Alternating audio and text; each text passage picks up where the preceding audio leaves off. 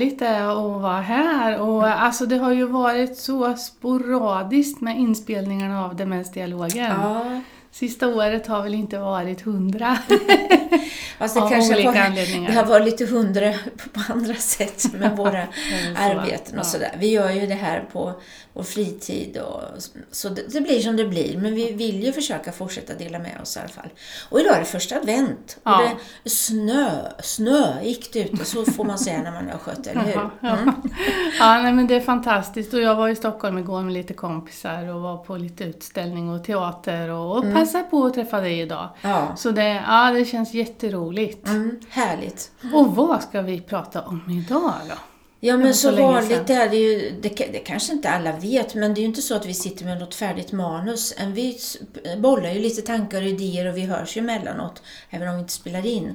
Och så blir det sådär, vad är det som har dykt upp? Vad tror vi är aktuellt nu? Mm. Men du, vad, hur har du haft det? Vad har du liksom mött någonting som du känner så att det här vill jag? Jo, nej, men man möter ju mycket i, eh, i olika sammanhang i, i jobbet och, och privat skulle jag säga också. Ja. Eh, men det jag tänker på som återkommer väldigt ofta det är ju det här, alltså, vi möter människor som har en demenssjukdom, som har en hjärnskada, en Mm. hjärnsjukdom.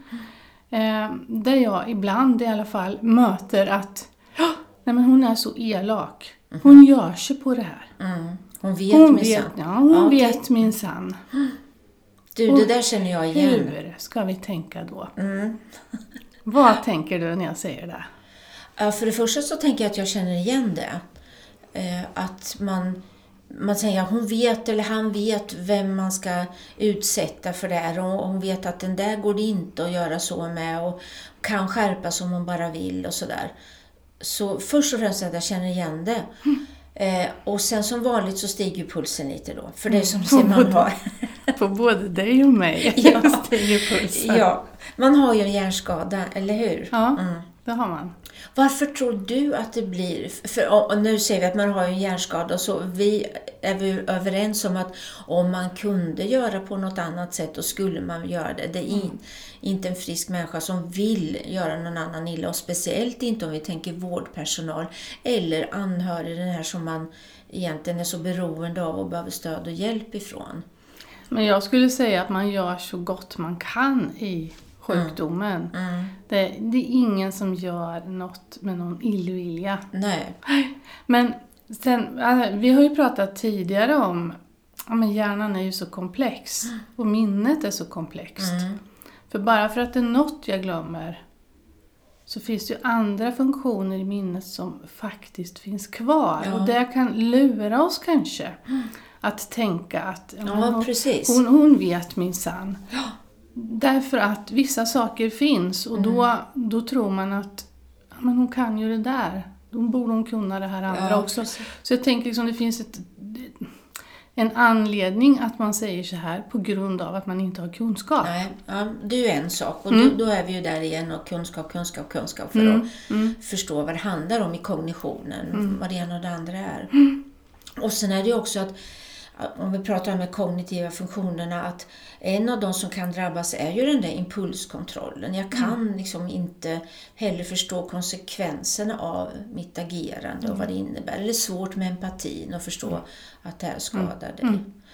Men du, om jag nu, om vi säger att nu, nu låtsas vi att, att du är på handledning och så har du en Liselott framför det här och säger att ja, jag tycker att hon måste få någon medicin istället. Alltså, vi kan inte bara heller vara henne till viljes hela tiden. För hon vet minsann, hon kan om hon bara vill. Vad säger du då? Nej men jag tänker att det handlar om hennes hjärnsjukdom och då handlar det om att vi i gruppen tittar på ja, men hur kan vi möta henne? Finns det något som funkar? Är det någon av er som, som fungerar? Väldigt ofta tycker jag när man börjar prata, det man gör är att man förklarar en massa. Mm, Man förklarar logiskt så som vi friska hjärnor tänker. mm. Tänker du i någon speciell situation, alltså då som dusch eller gå ut eller något Ja, sånt där? men, ja. men ja, och vi... Eller, och det kan egentligen vara vad som helst. Det kan vara någon som pratar om att mamma är död. Eller ma- pratar om mamma. Och då vill ju vi logiskt resonera Ja. att, ja men du vet mamma. Hon, hon var ju född, ja, ja visst hon, hon, Mm. hon var född eh, 1800-talet. Ja, precis. och, alltså, och i år är det det här året. Hur gammal skulle hon vara? Ja, men vi vill Mm. logiskt resonera för att få den här personen. Mm. Eh, det är det ena. Men sen så är det ju det här också när man säger, tänker jag, att hon är elak mot mig. Mm. Och jag ska inte behöva utstå Nej. det här. För det möter ju både, både du och jag. Mm. Men den här elaka sidan, det är ju inte något som den här personen gör för att den vill. Det kan ju ha varit världens snällaste. Mm. Det kan också vara någon som har haft lite av det här i sitt friska. Men det det- blir förstärkt Ja. nu. Precis. Men det är ju fortfarande så att hon, hon trycker inte på knappen och säger att jag är tjock som frisk. Nej. Utan hon gör ju det för att jag är, Ja, för att hon är sjuk. Precis, och det vi ska ha klart för oss är att det här är ju vuxna människor, vi ska ju inte fostra. Det är inte det vi gör, det gör vi med små barn och, och försöker lära och förstå empati men inte med vuxna barn.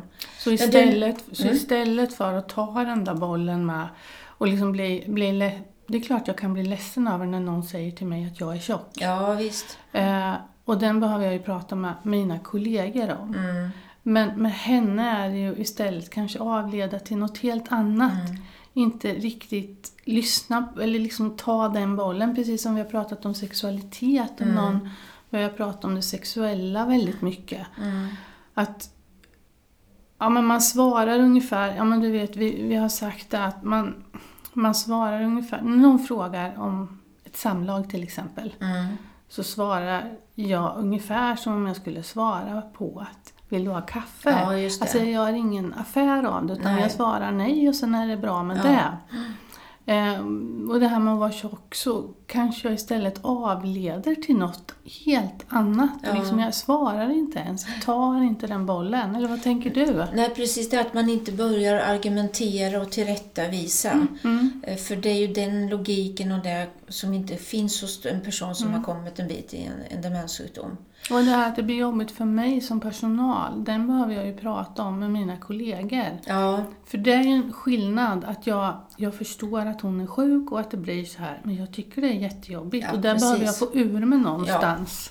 och det här som jag var inne på, eller med, med handledning och träffas och samlas i grupp och reflektera är ju viktigt. För att det kan ju vara svårt, om vi nu tänker oss en arbetsgrupp, att vara den som det funkar jättebra med, men en, en kollega går inte alls. Det, det kan vara liksom svåra roller åt båda håll. Mm. Men Jag tänker mycket på det här lågaffektiva tänket när vi pratar om det här. Att, att ändå försöka rannsaka sig själv. Vad är det som gör att den här personen triggas igång av det här när just jag kommer? Hur, hur är mitt kroppsspråk? Hur, hur pratar jag? Med tanke på att jag pratar för fort, för mycket. Blir det så att jag triggar igång det här? För jag har ju mött ganska mycket att eh, han eller hon vet precis vem man ska välja ut, får jag till mig. Liksom, Ja. att, eh, och det är den som är ny på jobbet eller sådär. Och då tänker jag, är, om man är ny på jobbet, är det så att jag känner mig lite osäker och då utstrålar jag det med mitt kroppsspråk och då känner den här personen av det som har en kognitiv sjukdom och blir också osäker och då går man i affekt för att klara sig. Och då kan det också vara så här att alla har ju berättat för den här som är ny på jobbet att Just. så här svårt är det när man går in till Mm. Lisa. Mm. Istället för att en som är van kanske följer med till Lisa första gången. Mm. Och ibland kan det här vara något, alltså att man säger att jag har Liselott med mig idag. Hon har jobbat länge, hon är van. Det kom, hon kommer komma till dig nu och det kommer bli jättebra. Alltså att man på något sätt förstärker att kollegan är väldigt bra och ger en trygghet hos den som är sjuk. Mm. Eh, Vi har ett jätteansvar där. Ja. Och vet du, jag tänker på när du säger det så, att, så brukar jag också tänka att om det är så att, jag, att det ofta är mig, den här personen blir arg och orolig när jag försöker göra, om vi tänker omvårdnad, så brukar jag rekommendera att försök att undvika att göra de här allra jobbigaste sakerna som kanske att hjälpa att klä av och klä på, dusch, sådana här väldigt intima situationer. Försök att bygga upp ett förtroende genom att göra sånt som den här personen tycker om. Ta det här fikat ihop, en promenad eller ett glas vin eller vad det nu kan vara. Att man sitter tillsammans så många gånger som möjligt så man får den här relationen. För då kommer vi in på det här med relationer, att Mm. förstå att eh, man kanske inte tänker på det som omsorgspersonal, att det är faktiskt en relation och kanske många gånger den enda relationen som människor har kvar om man har förlorat nära och kära. Vårt jobb handlar ju så mycket mer om bygga relation än uppgiften. Ja. Självklart ska vi göra uppgiften. Mm. Men vi har pratat om det i den här podden förut. Att Mm. man kan göra samma uppgift på olika sätt. Mm. Man kan göra det uppgiftsrelaterat Ja. eller man kan göra det relationsorienterat. Mm. Och det är sån skillnad för den vi går till. Men jag skulle säga att det är en sån skillnad för mig också. Ja. Som vårdare eller som Ja. anhörig. Visst. Vet du, jag, nu när vi pratar så här kommer jag att tänka på en kvinna som du och jag träffade för länge, länge, länge, länge sedan när vi jobbade på boende tillsammans. Eh, och då var det så att några hade svårt av våra kollegor att hon, att hon skulle komma upp på morgonen. Men vi visste ju också alla att hon mår jättebra när hon har kommit upp på morgonen. Men jag minns ju till slut att det var så att hon kikade så här med ett öga och så när hon såg att det var du eller jag så ah, är det du? Ja, då är det bara att gå upp nu då. Men det var inte något hot eller något tvång. Eh, men hon, hon, vi visste liksom att du mår bra, nu gör vi så här. Jag tror vi kände oss trygga i att vi kommer kunna hjälpa dig att komma upp och du får ditt kaffe och din cigg och så mår du jättegott. Andra kanske känns så osäkra och då drog den här osäkerheten igång och då täcket över huvudet och vill inte. Ja. Och kunde också innebära att bli lite arg. Ja, precis. Och då kan man bli rädd. Ja, Ja, eh, såklart. men vi, det jag tror vi gjorde var att vi inte gav oss, vi stannade kvar och Ja. liksom bara fanns där och så till slut så var det bara jobbigt att ligga kvar i sängen. Ja, och inte argumentera att hon Nej. skulle, det var bra alltihopa. Då pratade vi om sånt som vi visste att hon tyckte om Mm. och den där ciggen var ju i det här fallet väldigt bra. Komma upp och få en cigg. Mm. Ibland är det ju så här när man går till någon, vi måste vara två. Mm. Vilket vi har pratat om att ja, så långt det är möjligt är det ju bättre att vara en. Mm. Men ibland när man går två så blir ju en den onda och en den goda. Mm. Och det kan vi ju utnyttja lite, eller? Mm. Absolut. Att du, eller jag bondar med den som jag ska hjälpa och så får vi, ja, hon är som hon är. Men nu, du och jag, vi behöver ju ha en hjälp, när- till hjälp när vi ska göra det här och det här. Och den, Låter kan ju vara så. ja, Mm. och den kan ju vara lite jobbig mot kollegan när man säger ja hon är som hon är. Ja, Låt henne vara, vi, vi, vi kör det här du och jag. ja, Men man behöver ha pratat ihop sig i det innan så Mm. man inte börjar argumentera i det. Ja, men, så liksom att man försöker att få den som är sjuk att tycka att båda är okej. Ja. För dit kommer vi aldrig. Nej, och, och samtidigt, det här kan ju låta motsägelsefullt när vi säger att vi ska liksom lyfta den andra kollegan. Men i det här läget är det mer att avdramatisera. Låt det där vara bara. Ja, ja, så här. Vi ska inte säga nej, hon är dum i hon är jätteknäpp. Jag håller med dig. Det är ju inte det vi menar. Nej, en, nej, nej. En, alltså vi avdramatiserar, vi lägger inte så stor vikt vid det då. Och då blir det lite det här att det är en som har kommandot när man är inne. Och Ja. det är den som idag är den goda. För Mm. det kan ju vara om du och jag hjälper någon. Ena dagen är det du, andra dagen är det Ja. jag. Och nästa dag då när det är jag, ja men då håller jag mig lite i bakgrunden. Jag pratar inte så mycket. Det är klart Nej. jag säger hej och allt det här när man kommer in. Ja. Men sen håller jag mig i bakgrunden. För man märker ganska snabbt, vem är det som bondar? Ja, precis. Eh, Men du, som i mycket annat så är det ju det här att gå tillbaka. Alltså, och när jag säger gå tillbaka menar jag att, att sätta sig ner. Ja, man måste inte sitta, man kan stå och reflektera. Man kan gå och reflektera. Men backa liksom bandet. att Vad är det som gör? Hur, hur mötte jag upp den här personen? Hur möter jag? Hur börjar jag prata?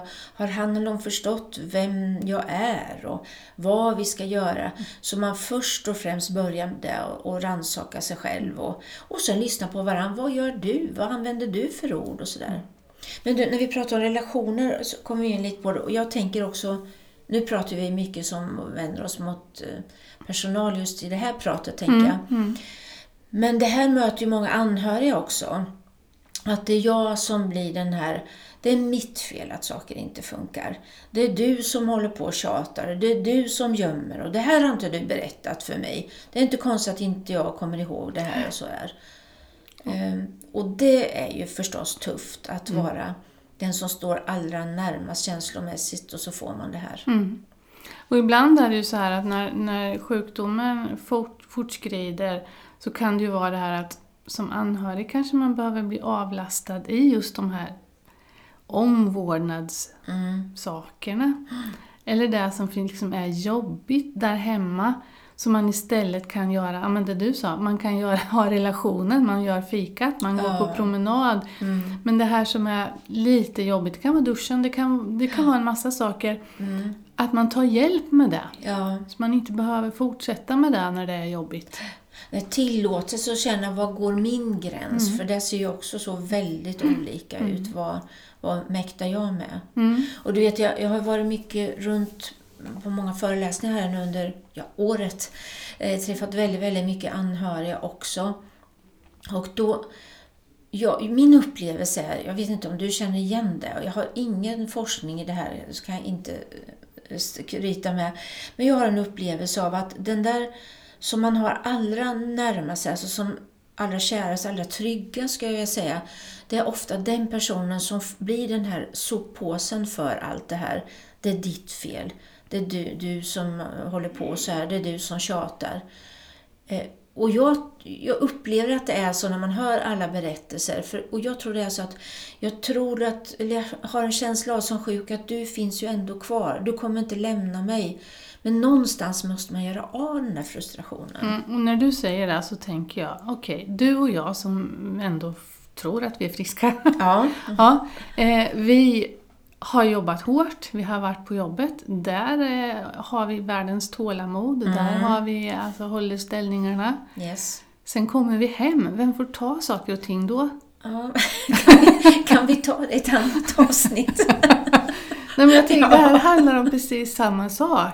Och när man hade barnen små hemma, eh, man ville vara lika tålmodig där och kanske Ja. inte var det. Nej. När man kom Precis. hem och var trött. Nej. Och som anhörig eller, drabbas man av det här också, att den som är sjuk upprätthåller något när alla vänner är Ja, där, när just. hemtjänsten är där och så kommer jag som anhörig. Och Ja. då får jag hela den här skopan. Ja, du, helt plötsligt så känner jag att vi kanske ska avsluta ganska snart och ta hand om våra män ett tag, eller?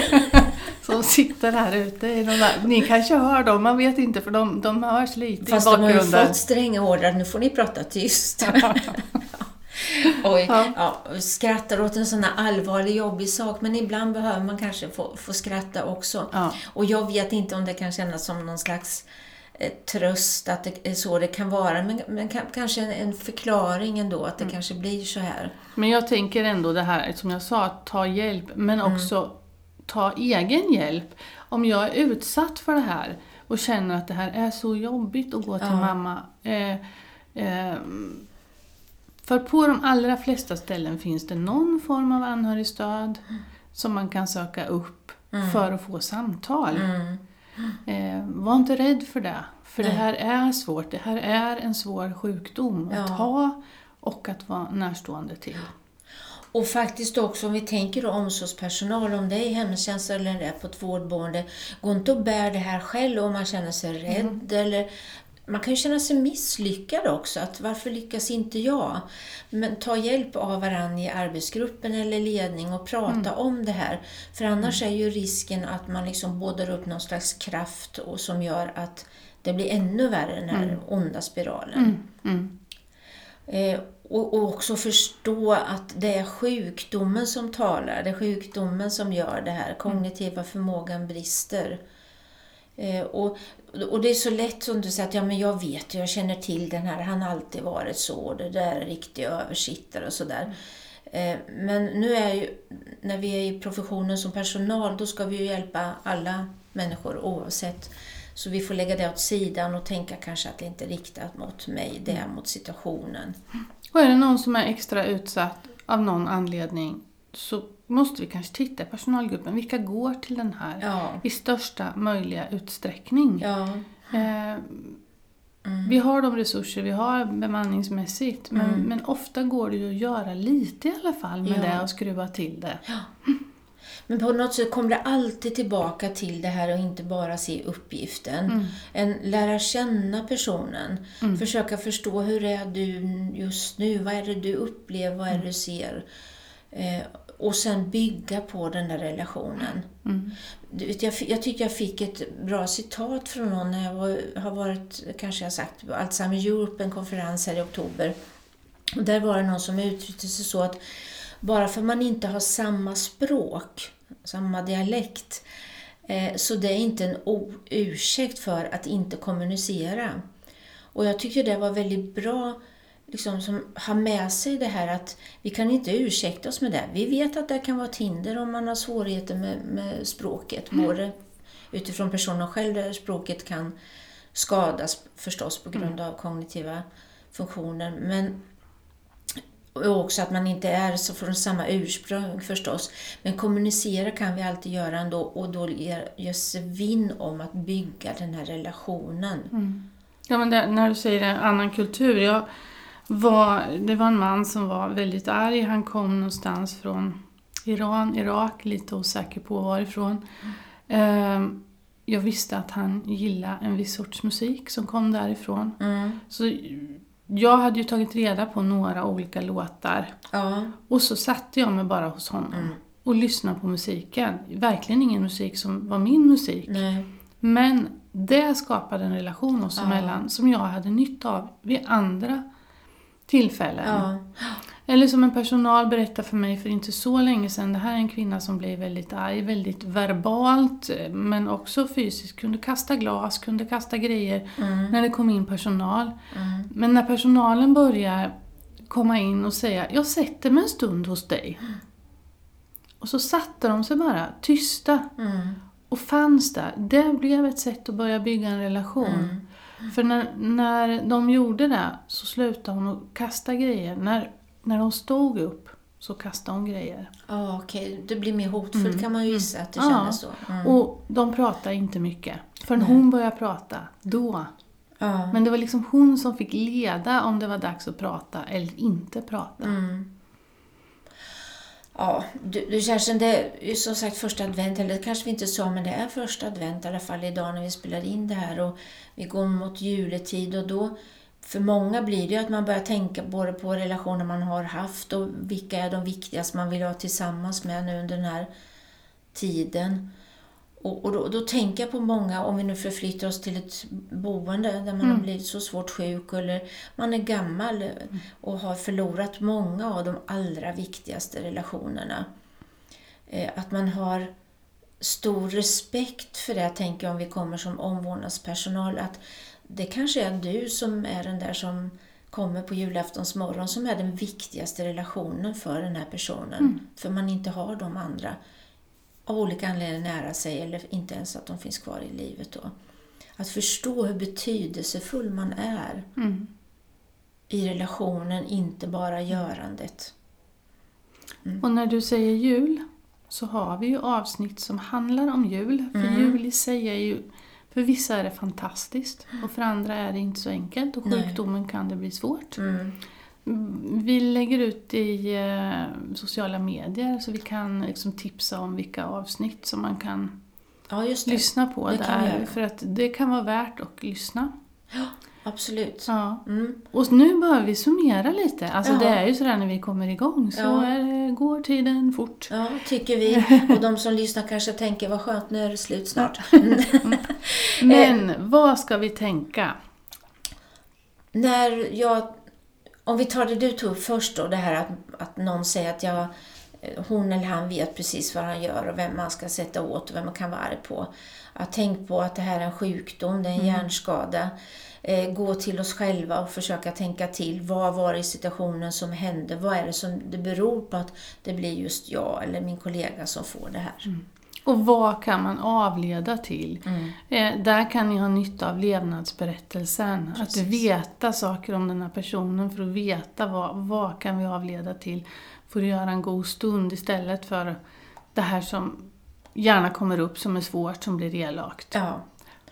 Och om vi då tänker på anhöriga, att eh, försöka att få stöd någonstans ifrån och mm. som du sa, det här som är det allra jobbigaste som kanske mest personliga eller något som inte känns så bra för den här personen. Försök att få stöd att någon annan blir den som gör det så man får vara anhörig så mycket som möjligt. Mm. Och söka sig till samtalsgrupper och olika forum mm. som finns för mm. att få lätta på, mm. på trycket. Nu har vi vänt oss väldigt mycket till de, inte till de som själva är sjuka i det här Men jag tror man kan känna igen sig och gör ni inte det så hör av er till oss så ska vi se hur vi kan vända det på ett annat sätt där då. Det är relationer det handlar om. Och med det får vi ändå hoppas att alla får en fin advent Ja, och en härlig jul. ja oavsett hur man nu väljer Ja. att fira. Ja, Var rädd om er där ute. Hej då! Hej hej!